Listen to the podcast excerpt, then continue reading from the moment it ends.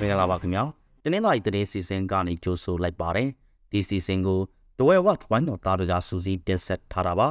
ဒီကနေ့ဖေဖော်ဝါရီလ3ရက်မှာဖြစ်ပေါ်ခဲ့တဲ့သတင်းကြောင်းကြားတွေထဲပထမဆုံးအနေနဲ့ပြောပြမှာကတော့ ဘလော့နဲ့တင်းနှင်းသားကြီးမျိုးနယ်ကိုစက်အုပ်ချိုရေးကြီးညာလိုက်တဲ့အကြောင်းဖြစ်ပါတယ်ဖေဖော်ဝါရီလတရက်ကမျိုးနယ်ပေါင်း39နဲ့မျိုးနယ်ကိုစက်အုပ်ချိုရေးကြီးညာတဲ့အထက်တင်းနှင်းသားကြီးတိုက်ကဘလော့နဲ့တင်းနှင်းသားကြီးမျိုးနယ်လည်းပါဝင်နေပါတယ်ဒါကြောင့်ဘလော့နဲ့တင်းနှင်းသားကြီးမျိုးနယ်မှာအရဘက်အုပ်ချိုရေးပုံစံမရှိတော့ဘဲကံရုံတန်းဒေတာစစ်ဌာနချုပ်တိုင်မှုအမိန်နဲ့တိုင်းရိုက်အုပ်ချုပ်တော့မှာပါစစ်အုပ်ချုပ်ရေးမျိုးနယ်ထက်ကအမှုပေါင်း23မှုကို စစ်ဘက်တရားရုံးကသာစစ်ဆေးပြီးအမိန့်ချမှတ်ဖို့ဆိုထားပါတယ်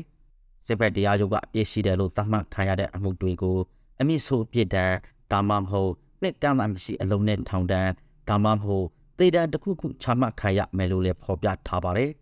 ဒါပြင်ကိုသွေရေးတယူပို့ဆောင်ရေးလူမှုရေးကိစ္စတွေကိုလည်းစစ်တပ်ကဓာတ်ရိုက်ဆောင်ရွက်တော်မှာပါ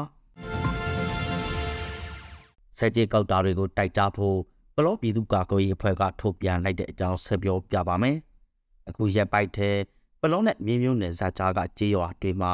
လက်နက်တဲ့အဖွဲ့တစ်ဖွဲ့ကနေပြီးငွေကြေးတောက်ခံတာတွေရှိလာတယ်လို့ဒေသခံတွေကပြောပါတယ်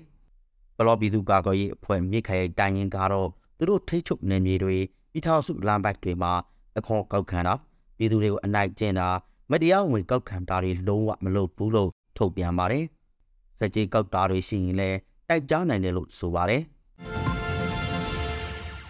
ဇလပီဖက်စီခံထားရတဲ့ကံပုတ်ဒီလာခံအချို့ပြန်လွတ်လာတဲ့အကြောင်းပြောပြပါမယ်။ကံပုတ်ရွာကစကောက်စီကအုပ်ချုပ်ရေးမှုနဲ့အခြားမျိုးသားတဦးပြစ်ခတ်ခံရတဲ့ဇန်နဝါရီလ26ရက်ကစပြီးကံပုတ်ဒေသခံ15ဦးဖမ်းခံထားရပါတယ်။ဖေဖော်ဝါရီလ3ရက်အထိအစိမ်းရအဲ့ဒီအဖမ်းခံရတဲ့သူတွေထဲ17ဦးပြန်တော့လာပါပြီ။ကြားတဲ့သူတွေရဲ့နောက်ဆက်တွဲအခြေအနေကိုတော့မသိရသေးပါဘူး။ ကံပေါက်ကြီးရွာမှာစိုက်ကယ်စီးကွက်ပိတ်ထားတာဟာလည်းအခုဆိုဆရက်တိတိချီလာနေပါပြီ။